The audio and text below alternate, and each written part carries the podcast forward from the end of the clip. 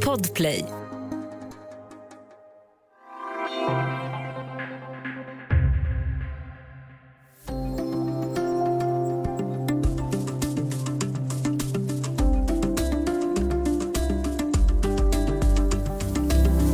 En ny dokumentär om artisten Britney Spears och aktivisterna runt rörelsen Free Britney ställer frågan om hon faktiskt är inkapabel att ta hand om sig själv och sin ekonomi eller om hon ofrivilligt är satt under förmyndarskap av sin pappa och en grupp jurister sedan 12 år tillbaka.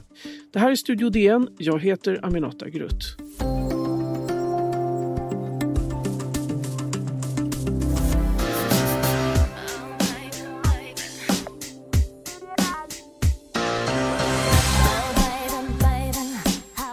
Ja, det ni hör här det är Britney Spears debutsingel från 1998, Baby One More Time.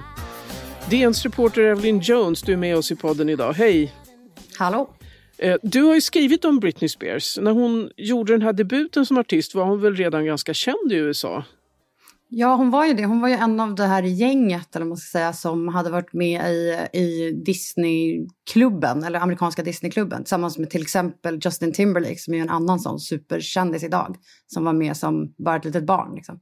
Oh, och den här dokumentärfilmen Framing Britney som New York Times har gjort eh, och som eh, vi har sett, så framstår hon framförallt liksom i början som väldigt oskyldig och väldigt ömtålig. Trots att hon lanserades som en sexig tonårsidol. Eller vad är ditt intryck? Verkligen. Det var, ju, det var väl det som var lite grejen med henne också, att hon var så oskyldig. Men att man liksom spelade på både den här äh, vuxna sexigheten, eller man ska säga, och den här barnsliga oskuldsfullheten som, äh, ja, när hon slog igenom från början. Eh, så det får man ju verkligen säga att det var, det var den bilden man man också lanserade av henne. Hon är ju väldigt så här, hon, är ju verkligen, hon känns ju verkligen som ett, en, ett, ett barn eller en tonåring. Och sen så blev pressen bara större och större på henne ju äldre hon blev. Hur skulle du vilja beskriva händelseutvecklingen? Man ser ju det väldigt tydligt i den här dokumentären. Eh, hur hon från början är väldigt snäll och tillmötesgående mot alla de här paparazzi-fotograferna och journalisterna som liksom vill ha allt av henne. Eh, och hur, de visar i dokumentären, och det har man ju sett tidigare också, hur hon liksom var bra på att typ posa utanför en bensinmack i sin bil och liksom eh, berätta hur hon mår och så här, vara snäll, eller man ska säga, mot, mot fotografer och sånt. Men sen så blir det ju bara fler och fler och fler och eh, den här industrin är så stor, de kan få så sjukt mycket pengar för att få liksom en bra bild på Britney. Och det behöver inte heller betyda en bra bild på Britney, eller, eller vad hon skulle tycka var en bra bild på Britney. Så man liksom har, ser under åren utvecklingen mot, från att vara snäll och tillmötesgående till att liksom bli extremt irriterad eller liksom störd av att fotograferna är överallt där hon är. Vi kan lyssna på hur det lät. Photos of Britney can sell for up to a million dollars each. Be nice, guys. Be nice. Everybody's gonna get their shots, guys. In the beginning, when paparazzis were following Britney, you could tell she enjoyed it. Once she started having her kid with Kevin Featherline, it exploded. Keep him, keep him alive, guys. Keep him back. up, back up, guys. Everyone wanted a piece of Britney. The tabloids were paying a lot of money. Back away now! Ja, det här är ljud då ur New York Times-dokumentären Framing Britney Spears där Britney jagas av paparazzi-fotografer i olika sammanhang och de tjänar ju jättestora pengar på henne. Um, vi har ju redan pratat om att, att hon framstår som en väldigt ömtålig människa i den här filmen. Hennes mamma sa någonstans att hon tror att Britney började må riktigt dåligt efter att hennes andra barn hade fötts och hon samtidigt begärde skilsmässa från Kevin Federline då, som nämndes här, som är pappa till barnen. Vad har den här skoningslösa pressen inneburit tror du för henne? Eh, det kan man ju se. Eh, uppenbarligen så mår hon ju dåligt efter, de här, efter att eh, hon har fått sina barn och, och den här skilsmässan från, från Kevin Federline. Men det, det, hon är ju inte, det är liksom inte så att hon är den första som det här har hänt, eller, eller för den delen den sista. Vi har ju sett liksom Amy Winehouse i England som också blev jagad extremt mycket och sen till slut eh, så, så dog ju hon. Även om det liksom inte var journalisternas fel så var det en extrem press som hon levde under. Vi har sett det med prinsessan Diana och vad pressen på henne gjorde. Så det är ju det är klart att det här tar ut sin, sin rätt på en person som för det första har blivit global superkändis. Alla, alla vill ha en bit av henne. Hon, hon får det jobbigt med skilsmässa med, hon får två barn väldigt snabbt emellan när hon är, när hon är ganska ung. Eh, och bara sättet som hon behandlas på redan innan det när hon är tillsammans med Justin Timberlake som ju också är en superstjärna och där journalister liksom frågar extremt privata frågor om deras sexliv och vad hon kan ha gjort för att förstöra deras relation. Alltså, hon var ju jagad. Det är, det, det är klart att det tar ut... Alltså, att det kan göra någon illa. Mm. Och stämmer det då att hon har fått vård för psykisk ohälsa då under kanske den här perioden när hon mådde som sämst. Mm. Alltså, det fanns ju de här äh, superkända bilderna eh, som spreds på när hon äh, var inne på en frisörsalong och rakade av sig sitt eget hår och när hon eh, liksom attackerade en fotografs bil med ett paraply och sånt som, som slogs upp jättestort i tidningarna. Men under den perioden också så blev hon inla, tvångsinlagd på en psykvårdsmottagning för att de skulle liksom utvärdera hur hon, hur hon mådde. Så absolut, hon hade ju liksom en mental ohälsa som, som är omvittnad. Kan man inte säga egentligen att eh, inte det är en rätt sund reaktion? Kanske inte att raka av sig håret men det, det är kanske en reaktion på skönhetsidealen som hon skulle försöka leva upp till. Men att liksom ge sig på en paparazzi, det är väl inte hon den första som har gjort? Verkligen. Det är ju en, eh, nu vet ju inte jag hur hennes psykiska hälsa var, men det känns ju inte helt orimligt att man till slut inte orkar mer med den pressen man lever under. Mm. Ja, vi ska strax prata mer om aktivismen runt eh, hashtaggen Free Britney som både fans och flera kända artister har gett sitt stöd. Är det en konspirationsteori att hon är under förmyndarskap mot sin vilja? Vi är strax tillbaka.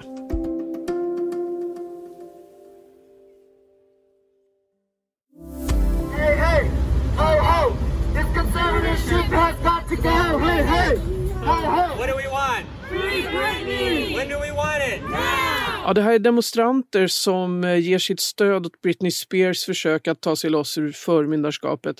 Eh, det här var förra året, det är också ur New York Times film och vid domstolsförhandlingarna i Los Angeles så framkom bland annat att hon var rädd för sin pappa. Eh, vad säger du Evelyn Jones, DNs reporter. Är rörelsen en frihetskamp för en av världens största artister eller är det en konspirationsteori? Det beror på vem man frågar. Frågar man hennes pappa, eller i alla fall om man gjorde det för ett år sedan, så sa ju han att det finns ingen sanning i det som Free Britney-rörelsen håller på med, utan att det är en konspirationsteori och han kallar det för ett skämt också. Eh, och det sättet som den här rörelsen har växt fram är ju också lite speciell. För det började också lite kanske som ett skämt. Att det satt två komiker i en podd och pratade om förmyndarskapet på ett liksom skämtsamt sätt. Men sen så blev det ju ganska snabbt eh, mycket allvarligare än, än, än vad det var från början. Eh, och Britney Spears har ju varit under förmyndarskap nu i, i 12 år där hon inte har någon kontroll över sina inkomster, hon har inte kontroll över sin rörelsefrihet eller eh, vad hon får göra med sitt liv. Eh, och sen ifall det här är för hennes psykiska bästa eller, eller att det måste vara så här för att hon ska kunna leva ett liv eller ifall det är för att någon, någon och enligt Free Britney-rörelsen då hennes pappa eh, försöker tjäna pengar på henne. Det vet man ju inte och, och, och, domstolarna har ju hittills dömt att hon ska fortsätta vara under förmyndarskap. Det verkar ju också som att hennes egna juridiska företrädare till och med inte riktigt har förstått hur det här förmyndarskapet är konstruerat. Nej, alltså det, det, det som folk har reagerat på vad det gäller Britney Spears är ju att hennes pappa fick ett temporärt förmyndarskap över henne just under den här tiden när hon, när hon led av psykisk ohälsa, uppenbart liksom år eh, ja, 2007-2008.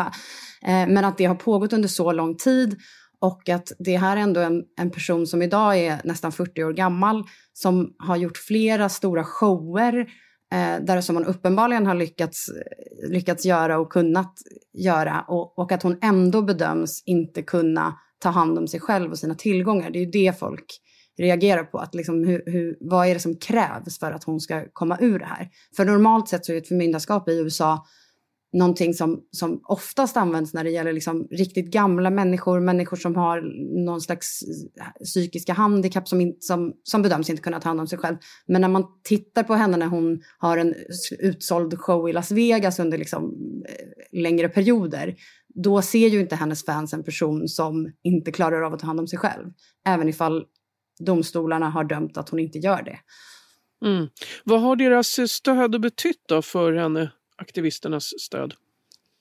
Alltså den här rörelsen är ju väldigt brokig och vissa, vissa delar av den är ju, är ju konspiratoriska, även om jag inte vågar säga att de är konspirationsteorier. Men till exempel under sommaren, där det blev, förra sommaren när det blev jätteuppmärksammat så var det ju att de letade efter hemliga tecken i hennes Instagram-poster som skulle bevisa att hon behövde hjälp. Och det kunde verkligen vara så här, hon har på sig en gul t-shirt och, och någon har skrivit i en kommentar att har du på dig en gul t-shirt så betyder det att du behöver hjälp.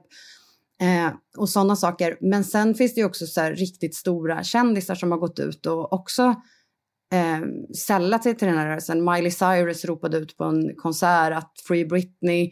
Paris Hilton som är en vän till Britney har också sagt att hon önskar att Britney skulle kunna få leva eh, sitt liv själv och ta hand om sig själv. Och Justin Timberlake har väl till och med gått ut och bett om ursäkt? Ja, precis. Justin Timberlake har nu bett om ursäkt för hur han hanterade situationer när, när folk liksom, ja, sa att det var hennes fel att deras relation tog slut. Och, Ehm, men jag tror att tidigare så har liksom inte Britney sagt så mycket om, om det här. Så vilket också har gjort att det, det hennes pappa har sagt att det är ett skämt och hon har inte direkt uttalat sig om det. Men nu har ju tidningen fått tag på eh, dokument och även hennes, hennes jurister har sagt att det betyder någonting för henne att hon får det här stödet och att det finns folk som liksom kämpar för henne. Um, så nu på sista tiden har det ju kommit fram väldigt mycket mer om, uh, till exempel den här senaste förhandlingen som var för bara någon vecka sedan, då, då, även ifall förmyndarskapet blev kvar så sa hennes jurister att det verkar ändå som att rätten också börjar lyssna mer på Britney och inte bara de som hon har omkring sig. Till och med mediapersonligheter har det väl också varit ute och bett om ursäkt? Är det inte så? Mm. Sådana som har ställt de här väldigt eh, intima frågorna till henne? Precis, alltså under en period, och det här är ju inte heller unikt för Britney, det är bara att hon är så stor, utan på, under den perioden och långt senare också så har ju folk ha, som, som jättekänd person är man ju hett villebråd. Och det är okej att liksom skämta om eh, vad som helst. Och det finns, det finns, eh, om man kollar nu när det här har blivit en stor grej så sprids det ju i sociala medier klipp från 2007-2008 som är där folk säger liksom fruktansvärt elaka, skämtsamma saker men ändå om en person som uppenbarligen inte mår bra. Och nu, till exempel Sarah Silverman, en komiker som, som då på den tiden skämtade om att Britney Spears barn var eh, misstag och, och att, ah, om hela den här situationen. Hon har ju nu, nu gått ut och sagt att jag, jag vet inte vad jag håller på med. Så här, jag kan inte skylla på, att, på hur tiden var och sånt, för det var jag som sa de här sakerna. Och Justin Timberlake som vi var inne på innan har också bett om ursäkt för, för hur han betedde sig. Men det var väl liksom ja, men man var mitt uppe i någon storm av att man inte såg henne som en person utan bara som en, ett fenomen. Och som man kunde bara, äh, hon kan väl inte ta illa upp för att vem är hon? Liksom. Det kommer en film till om henne snart också. Ja, precis. Netflix ska ju också göra en dokumentär, eh, dokumentär om Britney Spears. Eh, så uppen, det är inte konstigt egentligen. Britney Spears är ju en superstjärna. Hon har ju varit en jätte... Alltså, är man född som jag i mitten på 80-talet så är ju hon verkligen en en, en person som är förknippad med ens tonår. Eh, och hon var jätte, jättestor och är jätte, jättestor fortfarande. Så det är inte konstigt att det finns ett superintresse för henne. Och särskilt inte när det finns den här extra grejen med förmyndarskapet, den här rörelsen som är brokig men jättehögljudd och lite flummig. Liksom. Det finns ju alla, alla ingångar för att folk ska vilja följa det här. Vad tror du? Tror du att hon kommer att lyckas ta sig loss ur det här förmyndarskapet? Det är ju liksom det är ju oklart om hon vill ta sig helt loss också. Alltså det finns ju olika, olika idéer om vad det är hon vill. Nu det senaste som, som jag såg var ju att hon själv säger att hon skulle vilja långsamt ta sig ur det här totala förmyndarskapet i alla fall. Eh, och sen, det är ju det är ju jättesvårt att veta och det är ju svårt för den här rörelsen också för att folk har inte den faktiska insidan och Britney Spears har inte själv direkt sagt vad hon vill och hur hon mår. Ja, det enda hon har sagt är väl att hon inte vill göra några fler uppträdanden så länge hennes pappa är förmyndare. Exakt, det verkar ju vara en mm. väldigt infekterad situation, absolut. Um, men, men, men exakt vad som kommer hända det, det har man ju ingen aning om och exakt liksom, varför det ser ut som det gör vet man ju inte heller. Men, men, men sen så säger ju folk också att så här, det finns ett problem i att alla runt henne tjänar just nu på förmyndarskapet så varför skulle de vilja att hon kunde ta sig loss från det när det bara är en win win-situation för dem. Ja, vi lär få höra mer om eh, det här och det ska väl bli intressant också att se den här dokumentären när den kommer. Den andra dokumentären, de kanske har fått fram fler fakta. Verkligen. Tack för att du var med i podden, Evelyn Jones, reporter för Dagens Nyheter. Tack så jättemycket. Studio DN görs för Podplay. Producent Sabina Marmelakai, exekutiv producent Augustin Erba, ljudtekniker Patrik Miesenberger, teknik Oliver Bergman, Bauer Media och jag heter Aminata Grutt.